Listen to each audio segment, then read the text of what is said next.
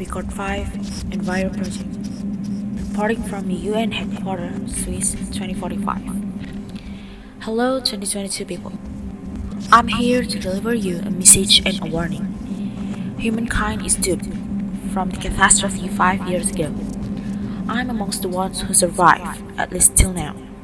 And we're about to launch the rockets, trying to find a livable planet out there. We don't know what will happen. I'm not even sure if we're going to make it. But yeah, we're sending this box to you. Go through the records to find more information related to the catastrophe. And please, please do something and change our fate. I hope this records reaches the way Good luck. The records are re- records are sending.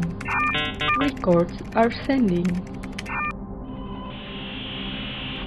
The records have arrived to year 2022. Breaking news.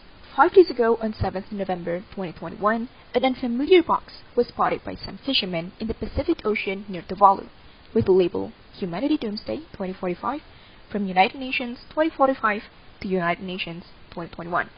The box, having arrived in Geneva, Switzerland, and currently in the UN headquarters, is being investigated by the officials to find out what is actually happening. We will update the news to you as soon as possible.